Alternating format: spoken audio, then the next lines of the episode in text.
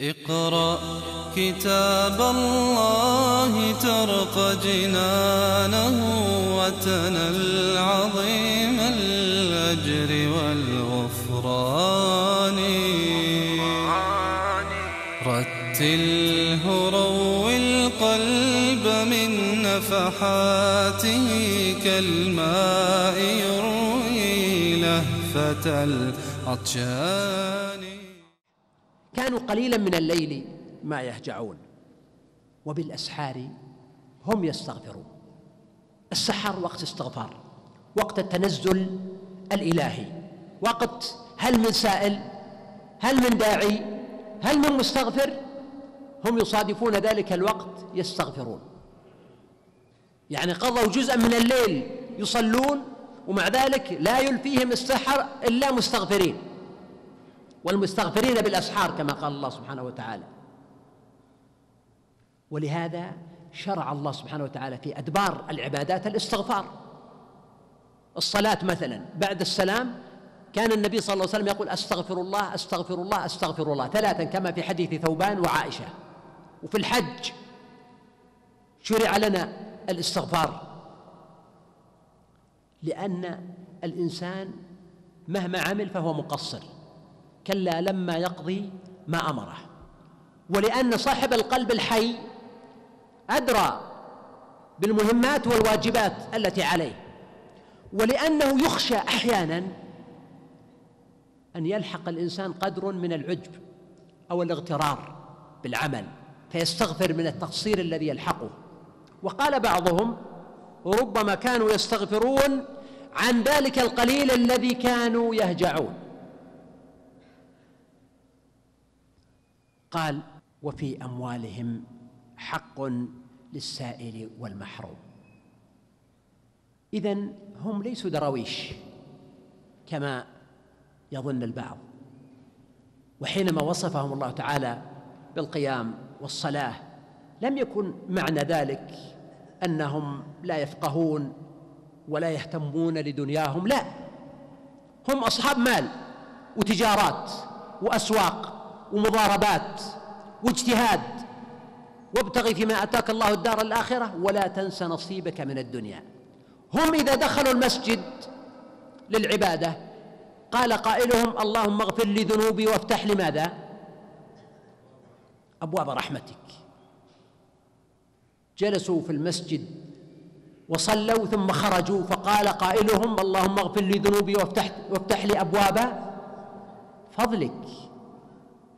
فإذا قضيت الصلاة فانتشروا في الأرض وابتغوا من فضل الله.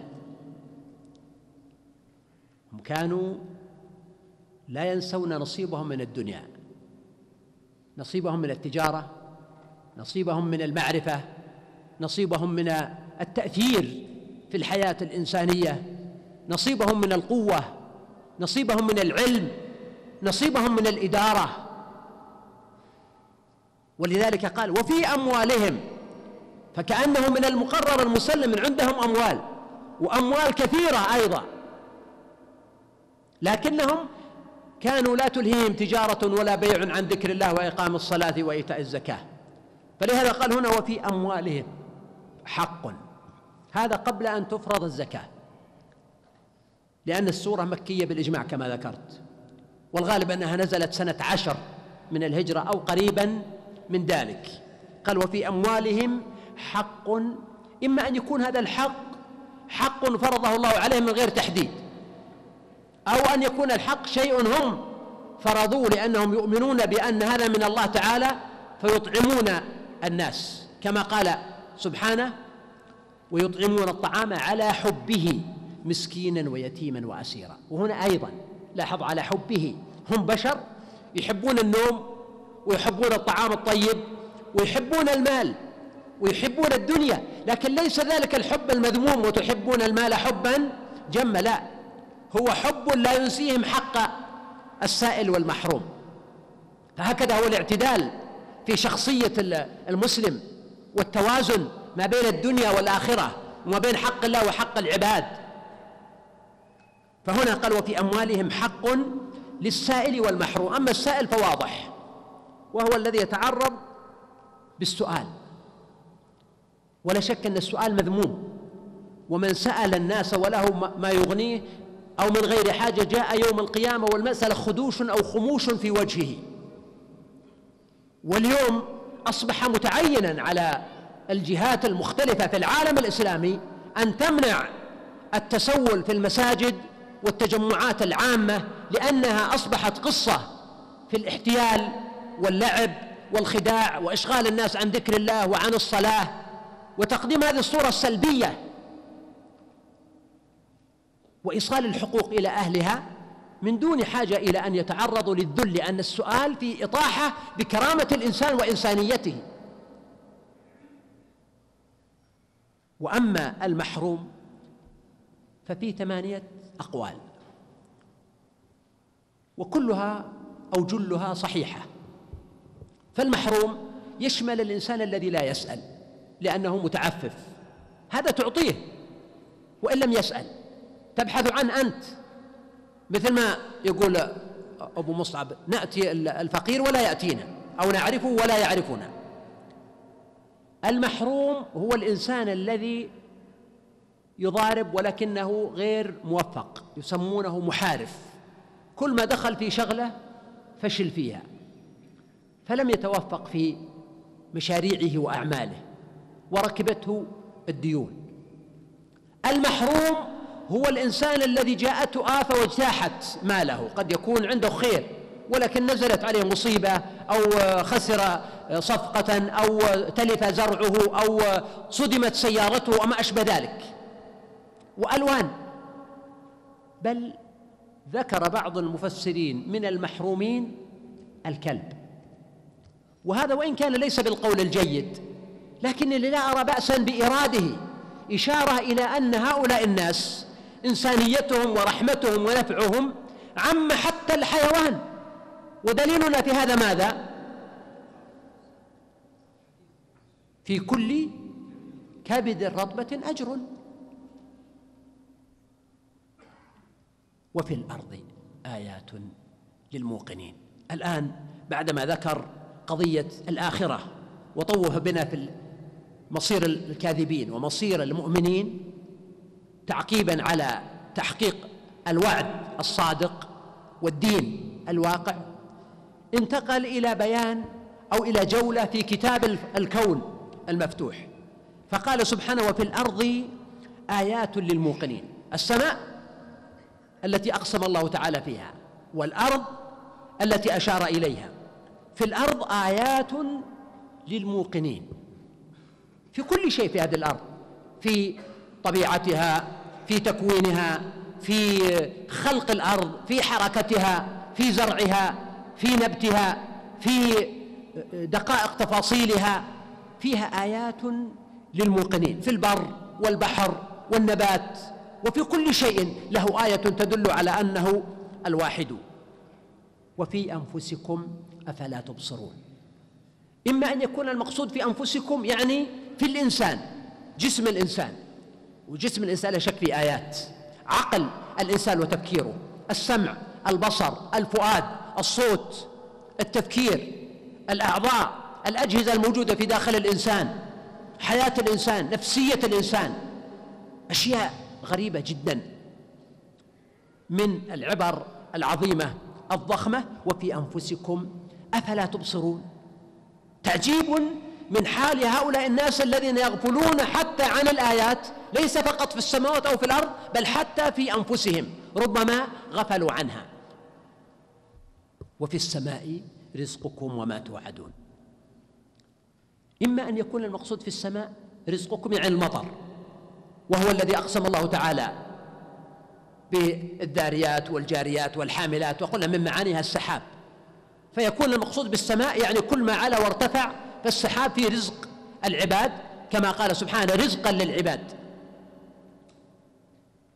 وإما أن يكون المقصود في السماء ما وراء ذلك يعني في السماوات. فيكون فيه رزق العباد المكتوب لأن السماوات فيها اللوح المحفوظ التي في الذي فيه كل شيء مما كتب للإنسان من عمله وأجله ورزقه وشقي أو سعيد. والتي فيها الملائكة المكلفون بأرزاق العباد. فكل ذلك محتمل. ولهذا قال وفي السماء رزقكم وما توعدون. يشمل ما هو موجود في الكتاب المحفوظ ويشمل أيضا الجنة والنار. فإن الله سبحانه وتعالى جعل الجنة في السماء كما قاله أهل العلم وجاءت بذلك النصوص. قال سبحانه فورب السماء والأرض. هذه السماء التي فيها رزقكم وما توعدون. وهذه الأرض التي فيها آيات للموقنين.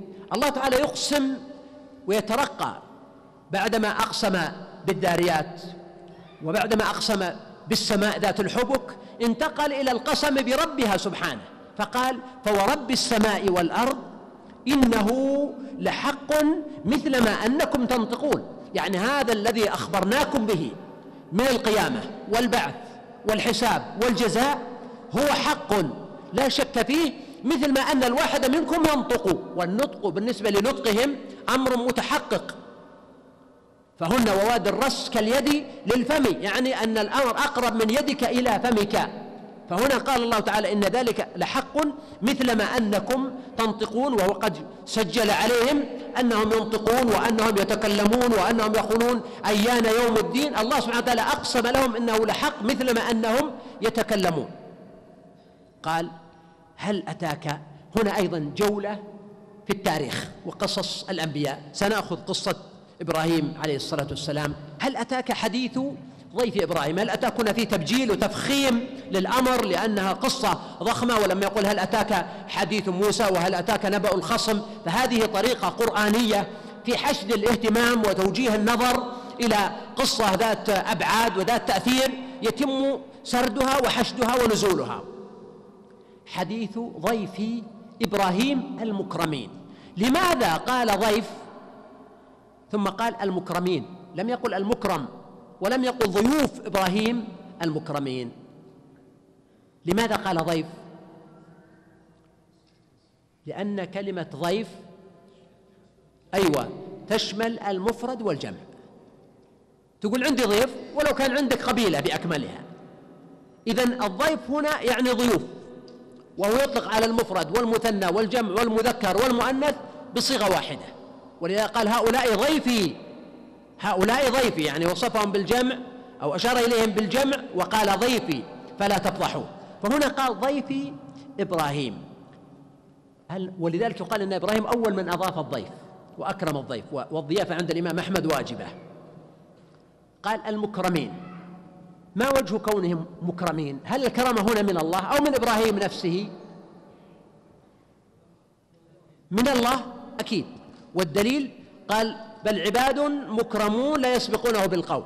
ولكن لا يمنع ابدا أن يكون المعنى هنا أن إبراهيم أكرمهم لأنه نظر إليهم على أنهم أضياف لا على أنهم ملائكة. ولذلك أضافهم أفضل وأحسن ما تكون الضيافة كما سوف يتضح من السياق.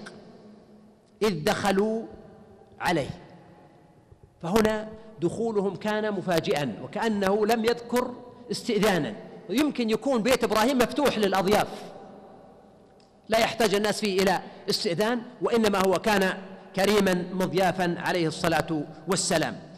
فقالوا سلاما قال سلام. فرد عليهم سلامهم بأطيب منه وإذا حييتم بتحية فحيوا بأحسن منها. فهم لما دخلوا قالوا له سلاما يعني نسلم سلاما. هو قال سلام أي عليكم سلام. فهذه الجملة الإسمية التي قالها إبراهيم أقوى في اللغة وأثبت من جملتهم التي هي فعلية والفعل ليس له ثبات.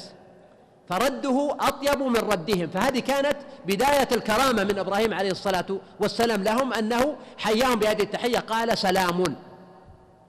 قوم منكرون. الأظهر عندي والله أعلم أن كلمة قوم منكرون لم يقلها إبراهيم لهم مباشرة وإنما قالها خفي عنهم. إنه استنكر الوضع. يعني ما, ما الذي استنكره؟ شباب. يعني آه، هم كانوا الملائكة ثلاثة. جبريل وإسرافيل قيل وميكائيل. وقيل كانوا عشرة أو اثنا عشر أو ثلاثة عشر. وفي التوراة ذكر هذا المعنى. وفي بعض الآثار عن السلف أيضا أنهم كانوا ثلاثة. شباب في يعني سن الشباب في غاية الجمال. هذا شيء غريب. كذلك لم يكن يعرفهم هو. وهذا جزء من الإنكار أنه لا يعرفهم من قبل ولم يرهم. ربما سحنات وجوههم غير مألوفة ما تنطبق مع الناس الذين اعتاد إبراهيم أن يراهم في مكانه الذي هو فيه في العراق أو ما حولها أو في آه، آه، ما قاربها كذلك سلامهم كان شيئا يستغرب لأن السلام وأن بأرضك السلام يعني الناس ما كانوا يتعاطون هذا السلام. فهم لما قالوا له سلاما كان هذا مما استنكره واستغربه. فضلا عن أنه كما قلت ربما دخلوا دون أن يستأذنوا. فلذلك مجمل معطيات والأظهر عندي أن رجلا مثل إبراهيم الخليل عليه الصلاة والسلام السيد العظيم الذي اتخذه الله تعالى خليلا أنه عنده أيضا من قوة الحدس والبصيرة والعرفان ما يغوص فيه على دقائق المعاني والأسرار حتى ولو لم يوجد في ظاهر الحال ما يدل عليها. فلذلك هو حس أن الأمر ليس طبيعيا. وهذا فيه حكمة لإبراهيم عليه الصلاة والسلام أن الإنسان أحيانا إذا استغرب بعض الأشياء عليه أن يتعامل معها بشكل طبيعي ويبحث بعد ذلك مع الوقت حتى تتضح له الأمور. فلا يستعجل الإنسان باتخاذ موقف وإنما يتقبل الأشياء ولا يفاجئ الناس بما يستغربون وينتظر وسوف تتكشف له الأمور بعد ذلك. فإبراهيم عليه الصلاة والسلام قال سلام. رد عليهم السلام. ثم قال قوم منكرون. والأقرب عندي أن كلمة قوم منكرون لم يقلها لهم لأن هذا قد لا يكون من كمال الضيافة التي عرف بها والأمر فيه وإنما إما أن يكون قالها في نفسه أو يكون قالها لأهل بيته وهذا قريب لأنه لما ذهب إلى أهله ولا غرابة أن يكون قوم منكرون يعني أنه وجد في نفسه أن هؤلاء القوم أنه سجل هذه الملاحظة ومضى. هذه ملاحظة تسجل للقوم هنا في القصة في شيء غريب. ما هو؟ انتظر حتى تبين لك. اقرأ كتاب الله ترق جنانه وتنل عظيم الأجر والغفران. رتله روي القلب من نفحاته كالماء يروي لهفة العطشان.